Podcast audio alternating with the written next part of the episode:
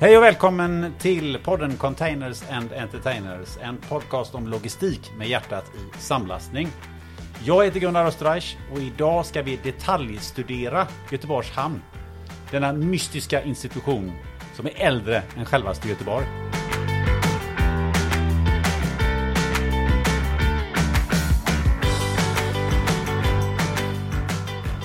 Eh, vid min vänstra sida så har jag som vanligt Linus Alm, denna logistikvärldens fyrbåk. Eh, till höger om mig så eh, brukar ju eh, faktiskt eh, Peter Mike eh, sitta, men eh, där har vi ju satt eh, en annan person idag. Men, men Peter skulle varit med ändå, så att han skulle ju fyllt en stol, men den är ju tom som en tom 40-fotare Ja. ungefär. Tyvärr, tyvärr så är den tom. Eh, Peter har ju eh, gått igenom en operation så att han mår inte allt för bra just nu. Så att eh, han håller på att repa sig. Han är nog tillbaka i nästa avsnitt tror jag. Ja, det blir ju som ett svart hål i universum ungefär. Ja, verkligen, verkligen. Han är saknad. Verkligen. Du, eh, Linus, har du någon idé om var hade du hamnat om inte du hade haft Peter?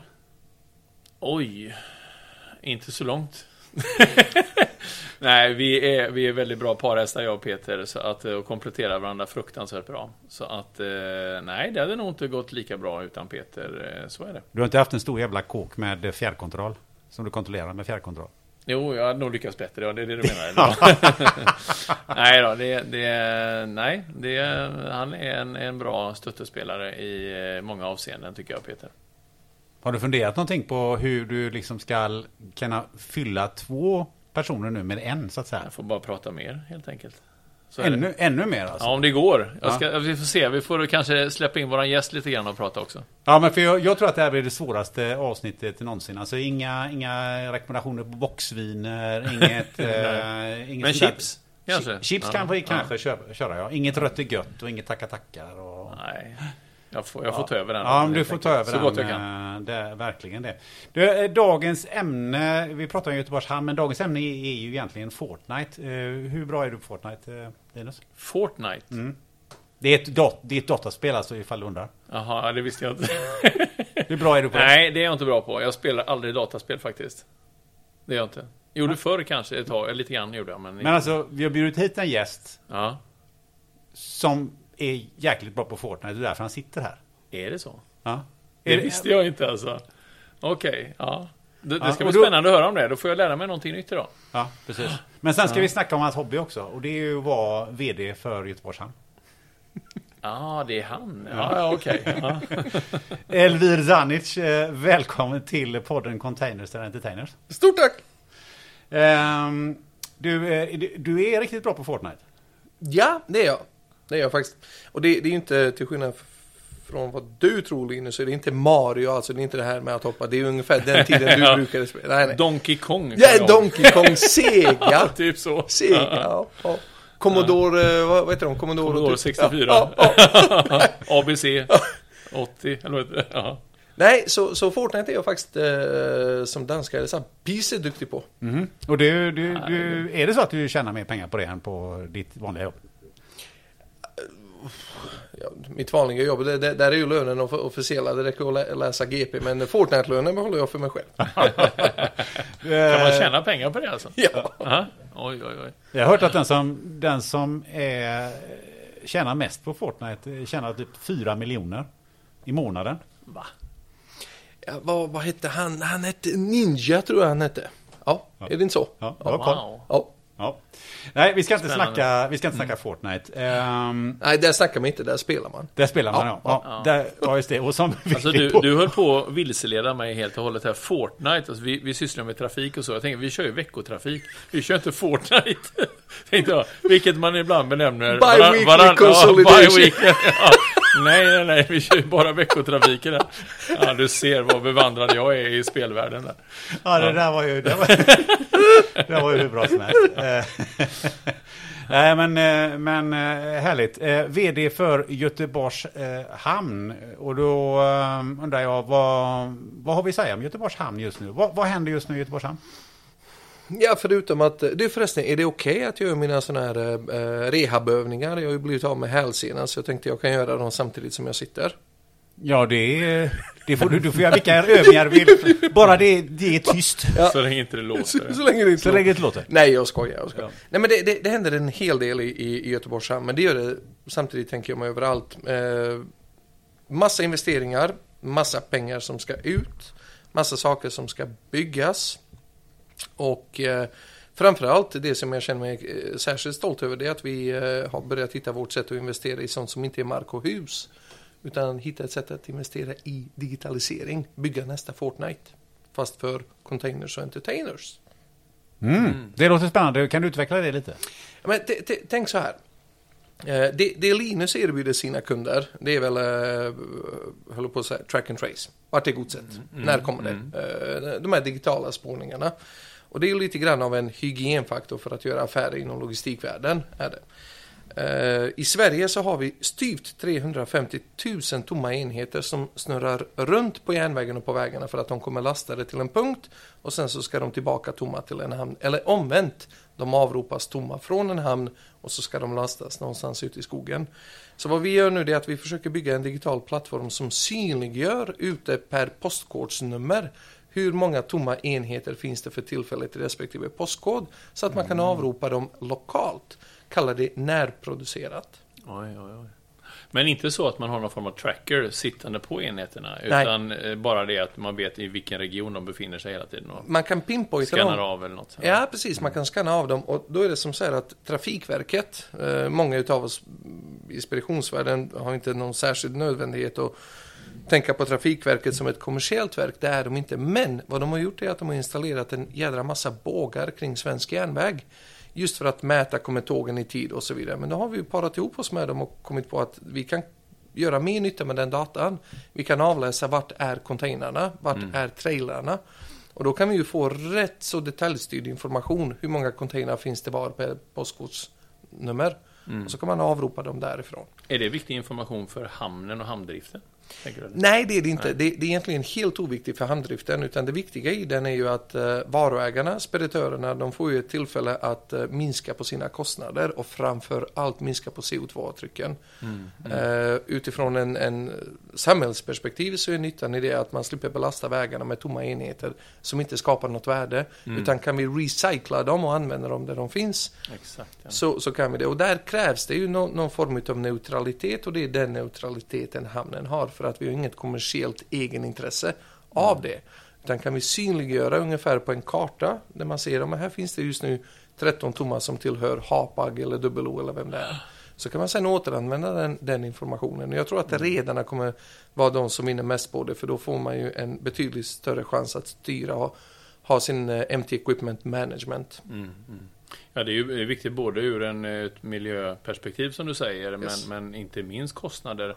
Jag menar det med att vända burkar, det har ju varit eh, poppis i många, många år, men Ja. det har ju aldrig funnits något system för det. Så Nej, då ska de precis. in i en depå och vända och ut igen. Liksom, Yes. och, ja, Det är det nej, här, vä- vända dem as they go. Mm, mm. Eh, Och så har vi lite andra tankar bakom, eh, bakom detta. Man ska kunna boka, eh, järnväg är någonting som är generellt sett väldigt svårt att boka.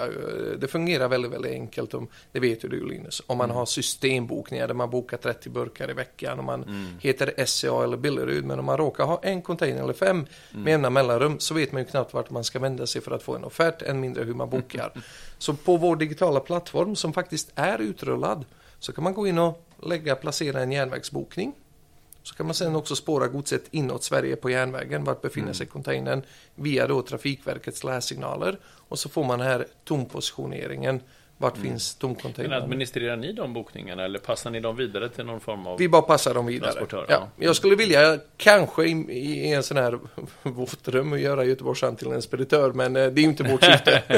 så vi ska inte förmedla någonting. Men eh, du var inne på det här eh, att det inte direkt är någonting för Göteborgs hamn. Men är det en, en sätt att vara en, en, en samhällsbärande institution? Eller har ni ett annat uppdrag än vad ett vanligt bolag skulle ha i det här fallet? Men om, man- om man tänker så här, eh, Göteborgs hamn hanterar ju, nu stängde vi 2021 och då hanteras, om vi tar containrar, så hanteras 51, någonting procent av svenska containrar går via Göteborgs hamn. Det är faktiskt upp från 44 procent 2019. Och har man 50 plus procent av en marknad, men då har man ju en lite större skyldighet. Och kan vi hitta sätt att effektivisera den här världen på ett sätt som gagnar speditörer, kunder, ja, men alla som jobbar i den. Så är det klart det är för oss ett intresse. Sen är ju inte vi på något sätt dummare än att vi också ser ett eget intresse för den informationen får du enbart om du åker via Göteborgs hamn. Så att det finns en form av egenintresse men det är ju inte därför vi gör det. Det finns ingen kommersiell nytta, det finns ingen avkastning, det finns inga eh, medlemskapsavgifter utan det är en plattform som du loggar in och så får du data som vi hoppas ska kunna göra logistiken lite mer effektiv och lite mindre påverkansbar på miljön. För apropå det här med, med eh, samhällsuppgift. eh, I förra avsnittet så hade vi ju eh, Helena Gellerman eh, här som eh, sitter i, eh, i transportutskottet i riksdagen. Ja. För Liberalerna. Ja. Eh, och då berättar hon att eh, staten satsar 900 miljarder i infrastruktur de närmaste 10-12 åren. Eh, och vad jag vill fråga då är om du skulle få bestämma på en del av de miljarderna, eh, var hade du satsat dem i och runt Göteborg? Järnväg. Eh, järnväg. Dubbelspårig järnväg hela vägen in till hamnen. Det är på gång. Det kommer bli klart nu 2025. Men eh, det som vi kallar för Västra stambanan och järnvägen till Oslo. Järnväg, järnväg. Jag vet Ja. att vi pratar... Det nämnde hon också. Ja. Eller? Ja. Och jag vet att vi pratar om en uppfinning som är, eh, som är den är inte lika gammal som hamnen, men den är gammal. Men det, det, det, vi behöver inte alltid hitta nya sätt. Den funkar. Järnvägen är det som har gjort vår logistik i Sverige eh, effektiv, betydligt effektivare än vad våra konkurrerande länder i Tyskland. Tyskland, Hamburg är congested som en hamn. Porto Valley är congested, Rotterdam är congested, Felixstowe är congested. Varför? För att de kör knappt någonting på järnväg. Och i och med att de inte kör någonting på järnväg så måste godset hämtas och lämnas på lastbil. Nu har vi dessvärre en Ukraina-kris som är mänskligt lidande. Som följd av det, i vår värld, så ser vi chaufförsbrist. Du har inga chaufförer, bensinpriserna stiger, det är påverkan på miljön och då är det congested, så godset stannar ju kvar i hamnen. Vi har inte det problemet. 65% hittills i år av all gods i hamnen i Göteborg kommer och går via järnväg. Det är ju fantastiskt, det är helt Oj, Så världsunikt. mycket, det trodde jag inte. 65%. 65 procent. Yes. Men eh, var, var någonstans ska de här eh, järnvägsinvesteringarna göras? Är det Västra stambanan? Det är Västra stambanan och så upp till Norge då. Vi, vi behöver... Nu har jag lärt mig efter två och ett halvt år i hamnen att det finns en backe på väg upp till Norge när man åker tåg. Och den backen är ju inte särskilt effektiv för då måste man ha... Då är det en begränsning på 700 ton. För att komma över backen så får du inte lasta mer än 700 ton. Eller så behöver du två lokomotiv för att ta det över den här lilla kullen. Och antingen så kan vi jämna kullen med marken och göra det plant eller så kan vi ha lite bredare spår. Men hur mycket av statliga pengar investeras i själva hamnen? Eller är det bara eh, kommunen som, som investerar? 1,2 miljarder kronor investeras i hamnen. Eh, gör Är det. det Göteborgs kommun? Nej, det är staten. Nej, det, det är staten. Det är staten. Ja, ja. 1,255 miljarder investeras i Göteborgs hamn. Per år? Nej, nu i det här, det, det, det här kallas för infrastrukturplan eller infraproppen. Eh, hade de använt också. Och eh, då får vi ju dedikerade pengar som är kopplade till infrastruktur och utveckling i Göteborgs hamn. Och då pratar vi alltså i Göteborgs hamn på vår mark, det som vi äger. Sen så investeras det betydligt mer än det som är kopplat till logistik, som är kopplat till järnväg. Men just i hamnen, hamnen, det som är vår mark, det som göteborgarna äger, där är det en miljard 255 miljoner. Och då är det det som kallas för farledsfördjupningen. Skandiaporten, där vi gräver från dagens cirka 14 meter till morgondagens cirka 17,5 meters djup. Och det är positivt för då kommer de största fartygen in i Göteborg som redan passerar oss på väg till Polen och Gdansk. Mm. Vad, eh, vad ser du där Linus? Hur påverkar det Nordicon och, och eh, om vi får in större fartyg i Göteborg? Och... Ja, nej, jag tycker det, det är ju en, en utveckling som jag tror alla har väntat på länge. Eh, för det är ju begränsat med stora oceanfartyg som kommer hit upp och de allra största kommer väl kanske inte ens, eh, vad jag vet. Eller ja, de Maersk har ju varit uppe med sin stora någon gång, men MSC kanske också. Ja, eh, eh, några har varit här. Men, ja. ja. vi, vi, gre- grejen är den att vi kan ju ta in dem idag. De allra största de kommer in, tyvärr så kan de inte vara fullastade. Nej, just det. Så de kommer in och eh, de kan ha en lastkapacitet på cirka 60%. Ja, Och vi vill få in dem att ha en lastkapacitet på 100%. såklart. Inte minst med tanke på att vi har skog på väg ut. Det är ju tunglast, det är baslast, det ska ju lastas Mm. längst ner, underhatch och så vidare. Så det är... Yes, yes.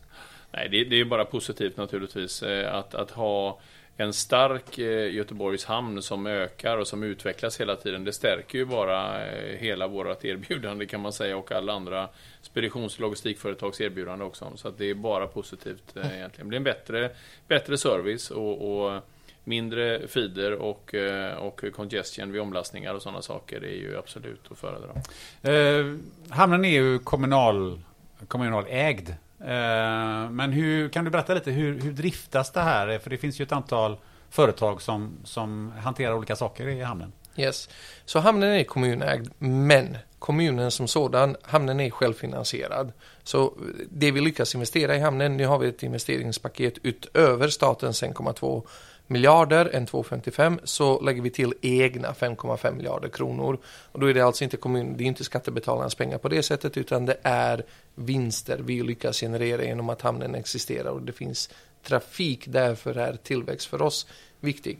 Med det sagt så, så funkar ju hamnen på ett relativt modernt affärsmodellsätt, det vill säga vi har valt att bygga en värdekedja där vi inte gör allt som vi brukade göra utan vi har tagit in företag. Vi har valt bolag som ska utföra vissa tjänster. Våra tjänster tillsammans med deras tjänster tillsammans med någon annan tjänster av de vi har bjudit in levererar alltså en slutprodukt där vi kan fungera som en hamn mot kunder som Linus, mot andra varuägare som Jula eller vad det kan vara. Va?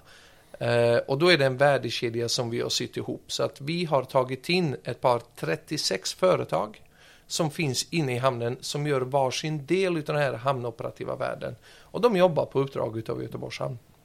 Mm. Så den här generella missuppfattningen sedan 2010 att hamnen har sålts ut, den stämmer inte.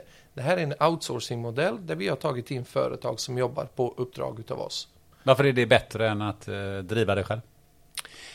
Det är bättre än att driva det själv för att då lyckas hamnen fokusera på det strategiska. Vi ska utöva strategisk kontroll, vi ska utöva strategisk styrning av de bolag vi tar in. De ska vara duktiga på det de gör. Det kan handla om att lasta lossa, det kan handla om att tvätta container, det kan handla om att uh, boxera fartyg.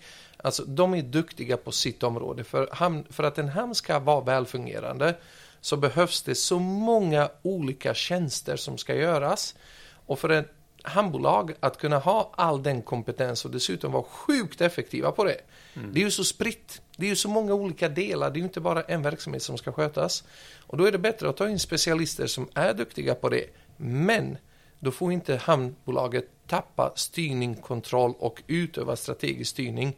Det här är inte autonoma bolag som kan springa precis hur de vill i hamnen, utan det finns en gemensam riktning. Vi ska utveckla hamnen för Sveriges bästa, inte för det enstaka bolagets bästa. Och där kliver vi nu fram betydligt mer och utövar en strategisk styrning så att hamnen kommer framåt i sin helhet. Mm.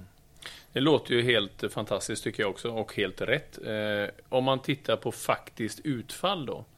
Vad, hur mera effektiv, både i form av hur mycket resurser man, man eller hur lång tid det tar att, att utföra vissa uppdrag eller kostnadseffektivitet har hamnen blivit sedan 2010 och successivt fram till nu?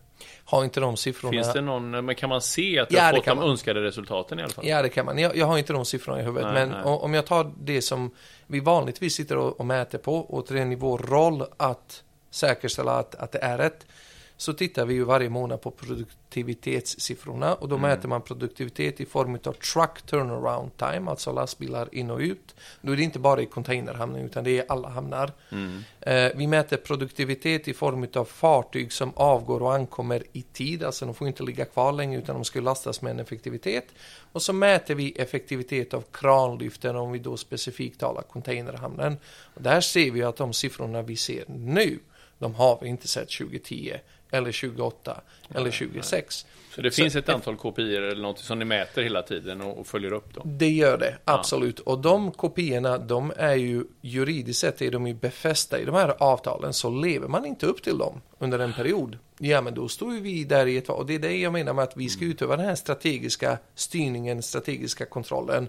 Och där har vi ju nu valt sen ett litet tag tillbaka att vara betydligt mer framåtlutade i det. Mm, mm. Vi ska vara lite grann nagel i ögat, men missförstå mig inte. Vi samarbetar med våra terminaloperatörer, det gör vi absolut, men vi är betydligt mer aktiva nu. Mm. Men om vi ändå pratar eh, intäkter här, hur, hur dyr är Göteborgs hamn i förhållande till övriga hamnar eh, i Europa? Det är så lustigt att säga det. Det är ingen som vet. Det finns en skröna. Det, Det är min finns, fråga. du vet. Ja. Det finns... Exakt.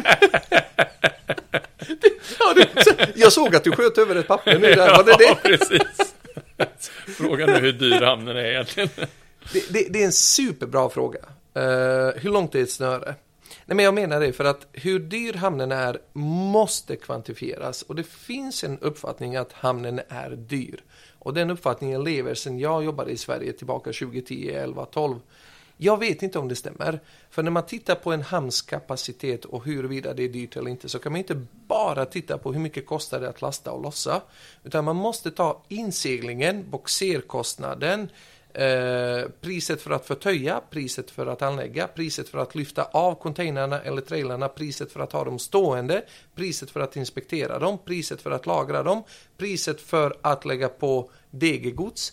Så alla de här momenten, det är därför vi har 36 bolag i hamnen som gör de här olika delarna. Så vad vi gör nu, det är att vi gör precis den här hemläxan. Vad kostar det per enhet, per roroenhet och containerenhet om man tar hela kedjan i Göteborgs hamn?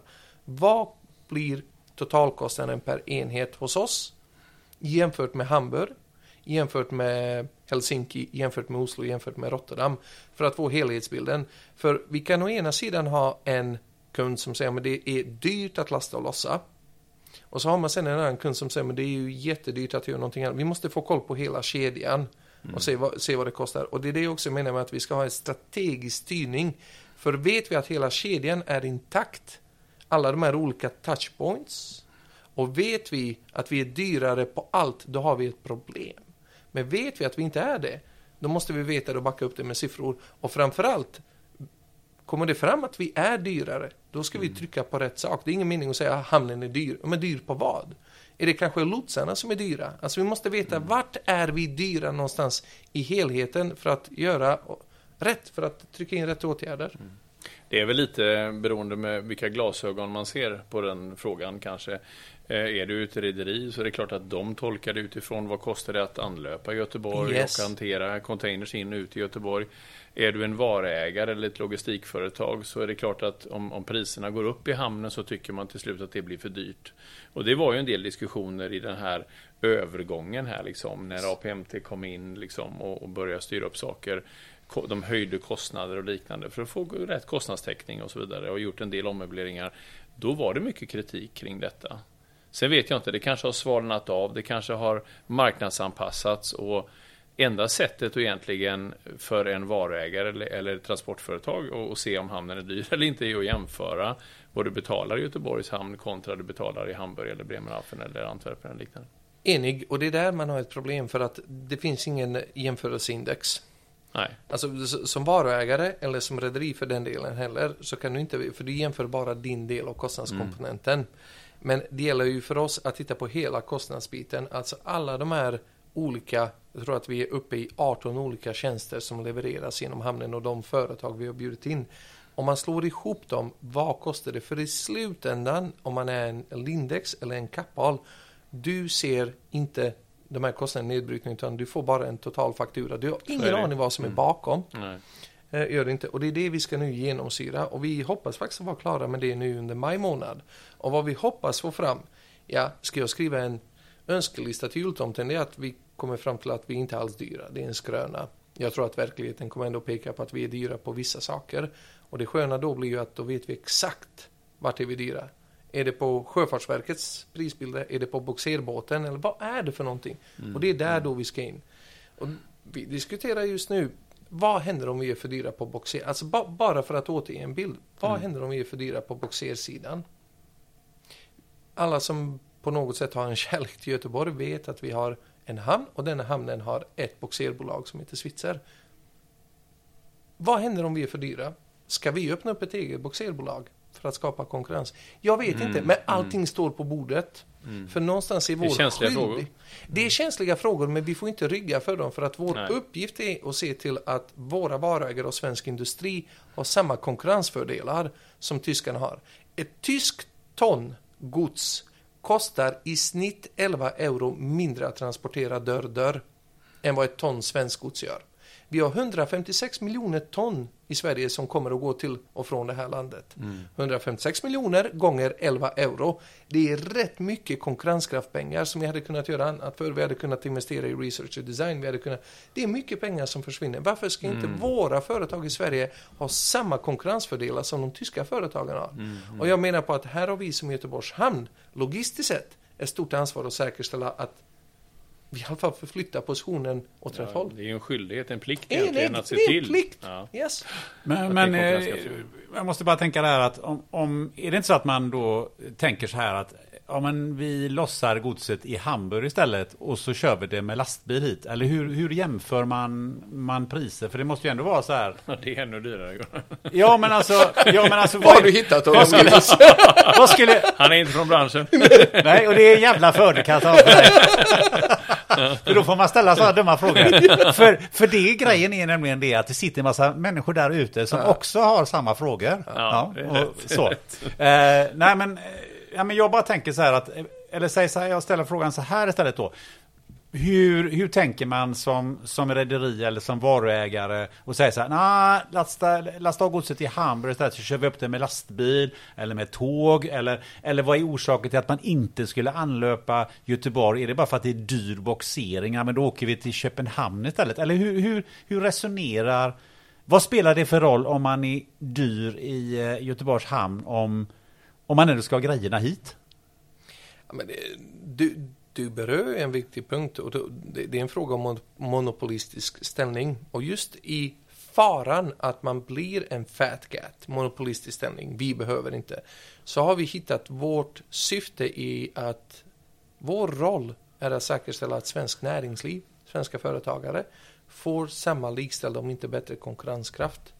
För Hittar inte vi vårt syfte i att hjälpa svenska företag att kunna komma ut i omvärlden och komma hem på ett konkurrenskraftigt sätt, då kan vi luta oss tillbaka. Du är inte jag rätt man för jobbet, men då kan vi luta oss tillbaka och säga, vad, vad spelar det för roll? Fartygen kommer ändå komma hit. Spelar det någon jädra roll om vi är 2-3% dyra? Hur pass mycket tid ska vi lägga ner på att trycka ner kostnaderna? Men till din poäng Linus, det är våran plikt. För vi är inte här för vår egen skull. Vi är här för att säkerställa att den här nationen som har handlat med omvärlden och byggt sitt välstånd på det fortfarande har samma premisser. Och det blir ju aldrig mer viktigt än vad det är nu när vi ser vad som händer. För du sa det, det hjälper ju inte om eh, tyskarna finns. Det gör det ännu inte. inte. För just nu, vår Volvo, Torslandafabriken, stannar ju nu eh, 11 skift.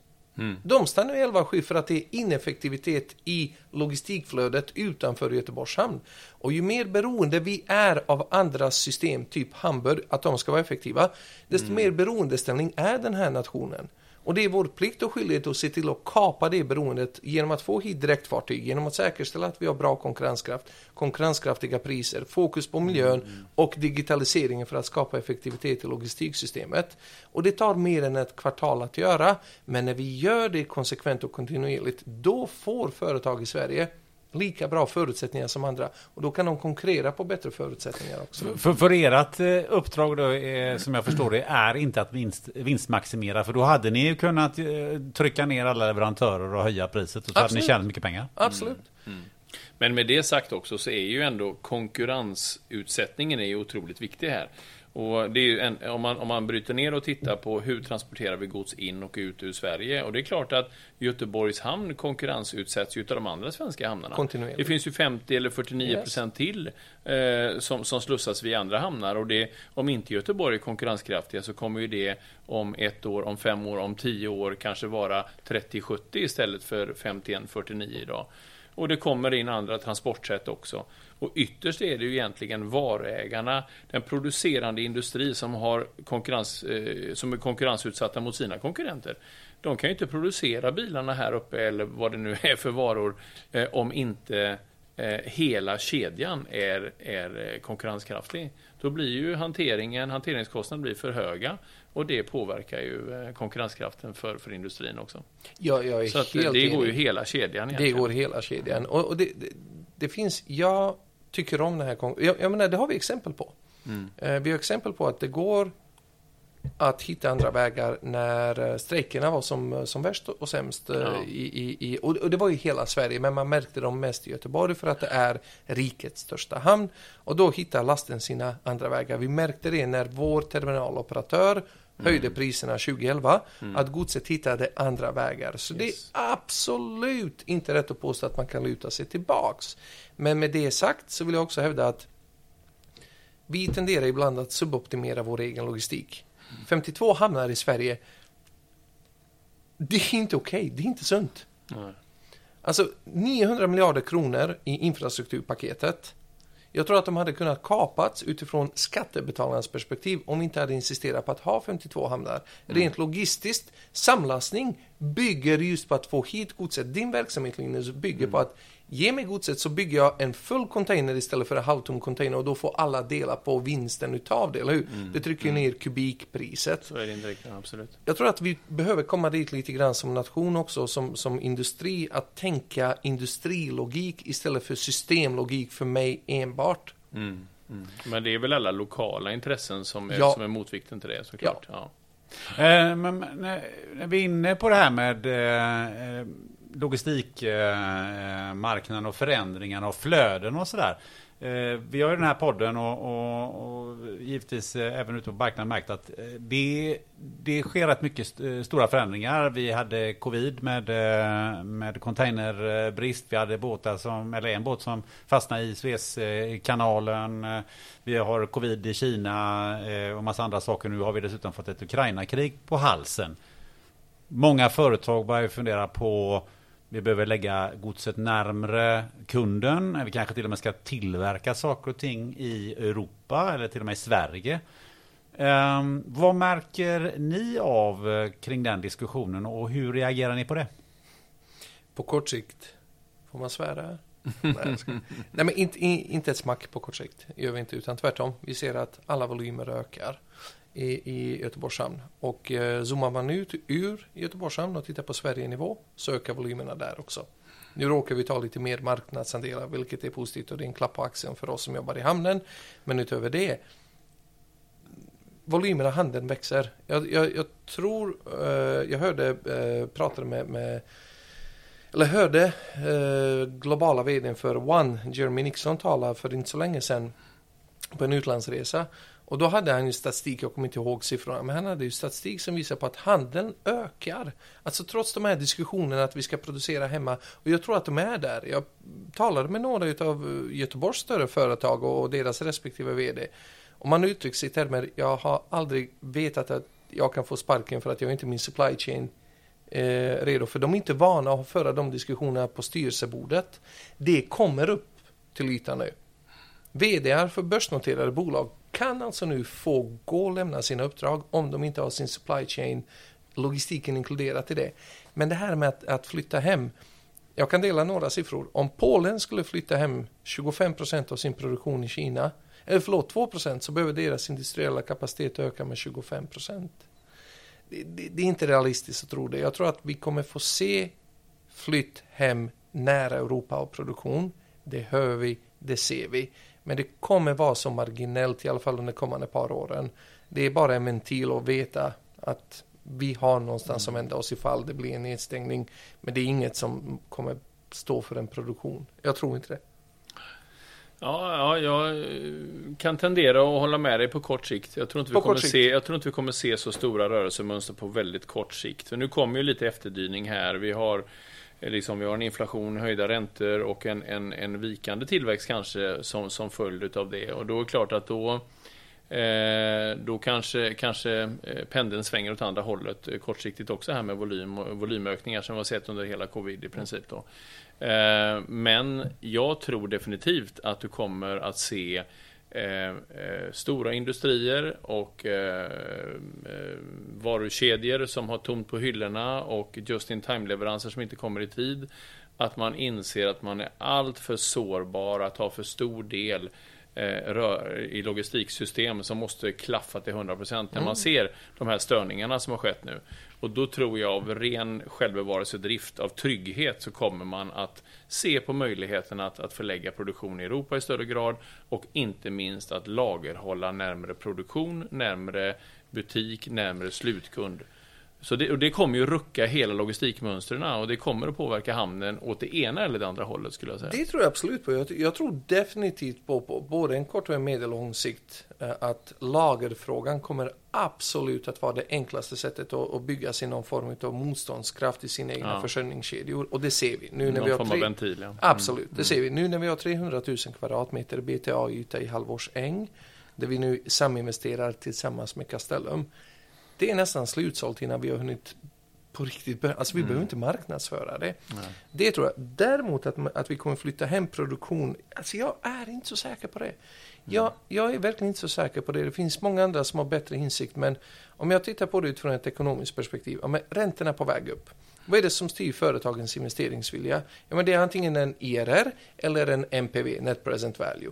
Och båda två påverkas negativt att investera när kapitalkostnaden är hög. När kapitalkostnaden var icke befintlig så var det fortfarande, alltså under de bästa förutsättningarna, lönerna i Kina höll på att explodera, kapitalkostnaden var ingen och vi hade en arbetslöshet i Europa som hette, den gick ju att ta på. Mm. Vi flyttade inte hem produktionen.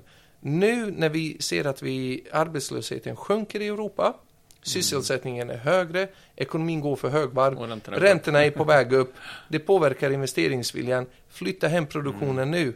Ja, och så tittar man omvänt då, tittar man på Indien, världens näst största talande, äh, näst största talande engelska, äh, engelsktalande land, världens största demokrati i ordning. Jag menar, när de får sin infrastruktur redo, för det är infrastruktur som är deras problem. Ja. Och, högre, och deras, de, deras kostnad, wage, wages, alltså löner, det är ju en bråkdel av vad kinesiska kostnader är. Så jag, jag tror faktiskt mer på flytt till Indien än vad jag tror på flytt till Europa. Mm, det håller jag med om också. Och det är en yngrande befolkning. Vi har en gråande befolkning fortfarande. Kina har det också. Bara för att sagt det, rä- räntehöjningarna som vi ser nu, de kommer ju vara kanske i ett, två, tre år skulle jag tro, men sen kommer det gå tillbaka och investeringsviljan kommer tillbaka.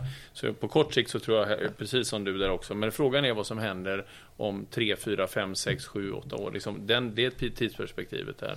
Och jag tror också en del av förflyttningen från Kina till Indien, det håller jag helt med om också. Det, det, det är en jädra intressant fråga, Linus. För jag har hört några företagschefer eh, på hemmaplan i Sverige prata om att enbart förlägga produktion i NATO-länder. Mm. Jag menar, vi, vi kommer ju se här en våg av tankar som vi inte har haft sista 10-15 åren. Jag menar, förlägga produktion enbart i NATO-länder. Och det, det kanske är helt relevant, vad vet jag, men det är något som jag inte hade hört talas om för 3-4 år sedan. Så du har en säkerhetspolitik. här. alltså. Absolut. Absolut. Ja. Men det trygga i detta är att Göteborgs hamn är ju här och har varit här i 400 år och gått igenom de här cyklarna liksom på något sätt. Så jag, där känner mig inte orolig. Men frågan är lite grann som du var inne på Gunnar, är liksom, i vilken grad väger man in alla sådana här makroekonomiska eh, förändringar i hamnens strate strategi eller strategiplan framöver? Mycket. Mycket sånt. Mycket. Vi, vi har gått igenom just kopplat till, eh, nu har vi inte gjort det kopplat till Ukraina än, men vi har gjort en gedigen, gedigen strategisk översyn. Vad innebär covid? Vad innebär de här övriga makroekonomiska förändringarna? Vad innebär en grående befolkning? Vad hör vi från AB Volvos ledning? Vad hör vi från Volvo Cars? Vad hör vi från Northvolt? Så vi pusslar ihop en bild och så kokar vi ner det till Tror vi på att lager kommer öka? Tror vi på att lager kommer minska? Tror vi på mer närsjöfart? Det är ingen slump. Det är absolut ingen slump att vi har valt att investera i Kortsjö i Göteborg förra året. Det är en direkt följd av att vi ser att företag ändå kommer vilja producera kanske lite mer lokalt. Varför vi nu förbereder Västra kajen för Kortsjö containertransporter. Det är ingen slump. Det var inte på tapeten för två år sedan. Det kom som en följd av de här makroekonomiska strategiska översynen. Så det, är- det är högsta grad levande. Bara för att flika in det där, eh, hur ser planen ut med, med just den eh, utbyggnaden av hamnen eh, som du är inne på där? När ska det ske och hur, vilken påverkan kommer det få? Men kort, eh, tänker du just på Ja, Kortsjökajen? ja, då? exakt, Ja, exakt. men det blir ju Västra kajen och för dem, det, det blir en del utav containerhamnen i, i, eh, hos oss. Och nu har vi, eh, vår containeroperatör APM har precis flyttat dit kranar. Nu håller vi på och förstärker kajen för de här kranarna är lite tyngre än vad man är van vid. Och så har vi förberett lager för just Kortsjö. Vet ju du, Inte du Gunnar, för du är inte i branschen, så jag tittar bara på Jag fattar ingenting. Kortsjön kräver ju en annan typ av hantering. Alltså där kan du inte lasta och lossa två dagar innan båten ska avgå, utan du måste förbereda containrarna. Liksom sista minuten trycker du in en, eh, ett brev eller en påse med, med, med apelsin eller äpple. Så vi har nu förberett en byggnad precis i anslutning till kajen där man ska kunna hantera godset i containrarna snabbt. Minuter över på fartyget. Nu har vi kranarna på plats. Vi håller på att slutföra förstärkningen. Vi kommer nog att vara igång här, gissar jag, fram till hösten. Mm. Det är absolut rimligt. Okej. Och vi... Jag tippar på att vi har en första riktigt kort, alltså kontinuerlig kortsjö containerrederi som kommer någon gång under Q1 nästa år. Kommer Stena Mainabbe-terminalen, kommer den flytta dit ut eller? Ja. Sten... Redan nu till hösten? Nej, Nej, nej, nej. nej, nej, nu pratar vi om kortsjö container, kortsjö. Ah, ah, ah. Det du är inne på, det är eh, Roro, det är alltså Stena-verksamheten. De skall, hoppas vi, eh, flytta, eh, det hoppas ju de också, så det är absolut i symbios, Ja. 2027 och då flyttar de till det som kallas för Arendal. Mm. Eh, det finns en industriell logik att ha Stena där ute. Mm. Eh, 300 000 lastbilar åker inom Göteborgs centrum som Ja, ska på Stena. Det är ju helt meningslöst. Ja, ja. Stena själva ser ju sig själva där ute. För jag menar om du tänker dig inseglingen därifrån till Göteborg. Det kostar ju både pengar, bunker och miljöpåverkan. Mm, mm. Komma ut eh, nä- närmare till ytterhamnarna. Det förkortar ju inseglingen. Mm. Det gör att de kan köra fler turer. De får en åtkomst till hela industriparken där ute med järnvägen och så vidare. Och du vet ju själv vad en dragning kostar ifrån hamnen in till Göteborg. Mm. Du får ändå betala ett par mycket. 700-800 kronor. Mm. Jag menar varför ska man betala de pengarna när du kan bara gå till kajkanten? Ja. Så vi, vi har nu köpt, eh, köpt mark ifrån platser. Vi håller nu på att rita upp och, och planera för själva bygget tillsammans med Stena. Och utgångspunkten är att terminalen för Stena är klar år 2027 och då flyttar de dit utifrån centrala Göteborg. Mm. Och det är även passagerarfärjorna då som Yes. läggs där ute? Ja. Ja.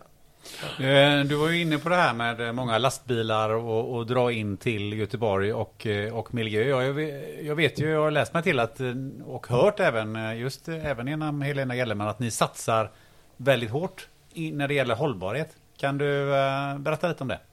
Ja. Eh, på tal om det här med plikt. Eh, när vi pratar med, någon sven- med, med svensk industri och frågar vad, vad, kan vi, vad kan vi som Göteborgs hamn, vad kan vi som en hamn göra för att ni ska få mer konkurrenskraft? Ja, men då var det naturligtvis då priser är ju alltid en sak. Eh, det andra återkommande det är ju reducera utsläppen för transporter på något sätt. Och då valde vi med tanke på vår storlek och med tanke på hur mycket vi tycker och tror att vi kan påverka. Vi valde då att eh, titta på utsläppen, inte bara i hamnen, utan även transporter till och från hamnen på sjösidan och transporter till och från hamnen på vägsidan. Så hela transportkedjan till och från hamnen och godshantering i hamnen ska vi reducera utsläppen med 70 procent till och med 2030. Det gör vi genom att elektrifiera alla kajkanter. Så att när fartygen kommer in så går de inte för sina egna motorer utan vi pluggar in dem. Och så får de då sin eh, kraft via el. Mm. Vi gör det genom att ha en digital anlöpssystem som kommer rullas ut, tror jag, i slutet, nej, början på nästa år. Som gör att när fartygen är på väg in till Göteborg så slipper de komma och inse att kajen är upptagen. Utan de kan tajma sitt anlöp så att de bara seglar in. Vi har ungefär 12 procent av utsläppen på sjösidan i Göteborgs hamn sker när fartygen står och väntar på en kajplats. Mm. Det kan man åtgärda genom att digitalisera den anlöpsprocessen. Mm. Mm. Eh, vi har på landsidan har vi eh, lastbilar som eh, kör på vanlig diesel. Där har vi nu tillsammans med terminaloperatörerna implementerat gröna lanes. Kommer du in i hamnen med HVO i förlängningen, vätgas och el så får, får du operativa fördelar. Du får en fast track in, du kommer hämta godset snabbare. Vi kommer börja göra det lite svårare för gråa, om jag uttrycker mig så, lastbilar Mm. att komma in. Eh, vi kommer också börja ta betalt för gråa lastbilar att komma in. Så att det kommer kosta. Vad är så- gråa lastbilar? Ja, men det är sådana som använder diesel. diesel. Ja. Eh, vi, men innan vi gör det så håller Kommer vi ni på... miljökompensera för det då? Ja. Alltså, kommer ni, ja. Yes. Och nu håller vi på och eh, bygger ett par 30-tal laddstolpar vid, eh, på, på, precis vid in, in, infarten till Göteborgs hamn så att lastbilarna kan få el direkt in. Vi håller också på nu i slutet på nästa år och sätter upp en vätgastankstation för tunga transporter. Det blir Nordens första. Och vi kommer börja producera egen vätgas tillsammans med norska Statkraft. Det börjar vi i slutet på nästa år också. Nu, nu väntar vi bara på en miljödom med det är en annan femma. Eller mm, miljötillstånd med det är en annan femma. Men tanken är att den går online. Så att om du tänker dig då, för att bli grön utifrån ett transportperspektiv, producera egen vätgas, kunna distribuera vätgasen till, till eh, bensinmackarna så att eh, lastbilarna kan trycka på. Ha el och laddstolpar så att lastbilarna kan ladda. Ha el på kajkanterna så att fartygen kan stänga av motorerna. Digitalisera så att fartygen kommer in när de behövs och när det är ledigt istället för att ankra för egna motorer. Där ser vi att där åstadkommer vi den reduktionen av CO2. Och vi pratar alltså om 260 000 ton CO2. Och det Så- kommer komma till industrin. För i, i de här nya riktlinjerna från EU, Mm. man kommer få betala för CO2. Mm. Scope 1, 2, 3. Så att det här är ju en kostnadsreducering, på tal om en kostnad. Nu, nu kommer ju en kostnad på de flesta hamnar som inte har funnits innan. Det är ju ingen som har brytt sig hur mycket en hamn genererar i utsläpp. Och de flesta hamnarna säger, men vi genererar ju inte utsläpp för lastbilar. Det är ju inte våra lastbilar. Nej, men de kommer ju för att du finns. Och då har du en skyldighet på något sätt att eh, jobba med det. I vilken, I vilken mån, det här låter ju fantastiskt bra och det här är ju en kostnadseffektivisering på sikt för de här eh, avgifterna kommer ju komma som du säger. Men i vilken omfattning banar ni väg för de andra svenska hamnarna att följa efter er här? För de måste ju också investera på lik linje som ni, kanske inte i den omfattningen, men investera i detta. Det vet jag inte. Alltså, vi, vi, vi är väldigt transparenta. Vi delar med oss våra planer. Vi är ute i de andra hamnarna och talar om detta. För vi tycker inte det här är en Göteborg. Det här bör inte vara en konkurrenskraft för Göteborgs hamn. Nej. Men samtidigt så vet jag att de här åtgärderna som jag nämnde, de har en prislapp. I vårt fall är det 576 miljoner kronor. Det är det vi som bolag kommer behöva investera över kommande tre åren för att det här ska ske. 576 miljoner kronor. Vi har många hamnar i Sverige som, jag, jag menar inte vara liksom, på det sättet stora om vi tittar på hur stora vi är, men vi har många hamnar som inte omsätter de pengarna på tio år. Än mindre att kunna avsätta dem i en investering som förresten inte är ekonomiskt bringande. Det finns inte en krona i avkastning för de här 576 miljonerna. Nej, men för att undvika kostnadsökningar i framtiden Ja. så, så är det ju nödvändigt någonstans. Absolut. Det är lite grann som att investera i IT. Gör du inte det så, så Enig. kommer det kosta dig mer och du kommer bli mindre effektiv i framtiden. Helt enig. Du sa framtiden Linus, Eh, det börjar bli så småningom dags att avrunda. Men eh, kort eh, Elvir, vad, vad ser du i framtiden? Vad kommer vara det viktigaste att göra de närmaste fem åren för Göteborgs hamn? Förutom eh, hållbarhetsinvesteringarna som vi pratar om här. Farledsfördjupningen, hållbarhetsinvesteringarna förutom dem då, digitaliseringen. Jag, jag, många hamnar pratar om digital, alla pratar om digitalisering, alla pratar om IT. Det, folk har svårt att fatta vad, som James Brown hade sagt, what is it good for? Va, varför? Och där har vi hittat anledningen varför. Varför investera i digitalisering? För vår del är det för att man ska få en effektivitet i sin kedja långt utanför hamnen. Det är ingen som bryr sig om jag investerar i digitalisering som gör att jag inte använder gula post-it-lappar. För det är inte konkurrenskraft för en industri. Utan den digitaliseringen som gör det effektivare i logistiken utanför hamnen. Så digitalisering, farledsfördjupningen och energiomställningen. Vi har inte pratat om det för det här är containers. Men vi har en energihamn. Vi har Nordens största energihamn här ute. 70 procent av allt vi tankar i bilarna, 70 procent av allt som går i blåljusen, det kommer ifrån hamnen här ute i Göteborg. Skall det vara energi i form av olja i framtiden? Nej, det ska det inte vara. Så vi kommer behöva investera i framtidens energiprodukter. Och då pratar jag om ammoniak, metanol och då behövs det infrastruktur för att lagra det, transportera det. Precis på samma sätt som vi lagrar och transporterar diesel idag. Suveränt. Eh, Linus, jag hörde alldeles nyss, eh, det här, vad sa vi, Kortsjö? Det är ju sånt som ett jobbegrepp, heter det så? Det är många term termer som har dykt upp här som du precis. sitter som ett ja, frågetecken men, men på. jag, nu. Ja, och jag blir ännu mer frågetecken när, när Ervir säger att man i sista sekund lassar på ett, en påse apelsiner. Ja. Och då blir jag lite så här orolig. Tänker jag samlastning och nu ska, de, nu ska Nordicon bara hantera en påse Apelsiner. apelsiner och ett brev som går på. Hur, Ja, hur fixar tror- ni det? Är det digitalisering ni löser det med eller Linus? Jag tror att han sa det för att belysa och eh, berätta om ett exempel. Men eh, nej, vi ska inte syssla med frukttransporter. Jag tror att han sa det för att utmana dig lite grann. Ja, precis. Va? Ny konkurrensutsättning här. Nej, det tror jag inte. Ehm, eh, att eh, samlasta frukt och sådana saker tror jag inte ligger i vår framtid. Nej.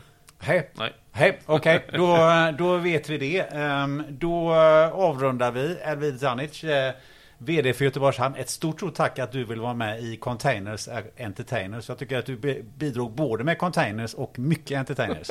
Tack för frågan. Tack Eh, så att ni mycket. mig. Tack så mycket. Tack. Och eh, Linus, ehm, vad, hur väljer du att säga eh, hej då till lyssnarna idag då?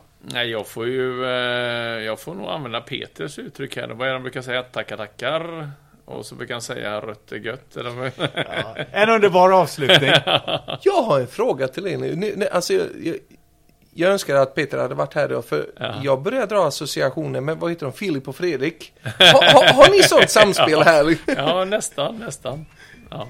Ja, ja, det är, och det, vi har ju de lyssnarsiffrorna också som de har. ja, vi är på väg dit. Ja, ja. Lugn och fin Gunnar. Jaha, ja, vi är på, jaha, jag trodde att vi hade det redan. Nej, nej. Vi Nej. får en tusen nya lyssnare varje avsnitt här, så det, det rör på sig bra. Det är väldigt bra. Det var väldigt bra. Eh, hörni, tack för att ni har lyssnat till ännu ett avsnitt av Containers and Entertainers. Tack och hej! Tackar, tackar.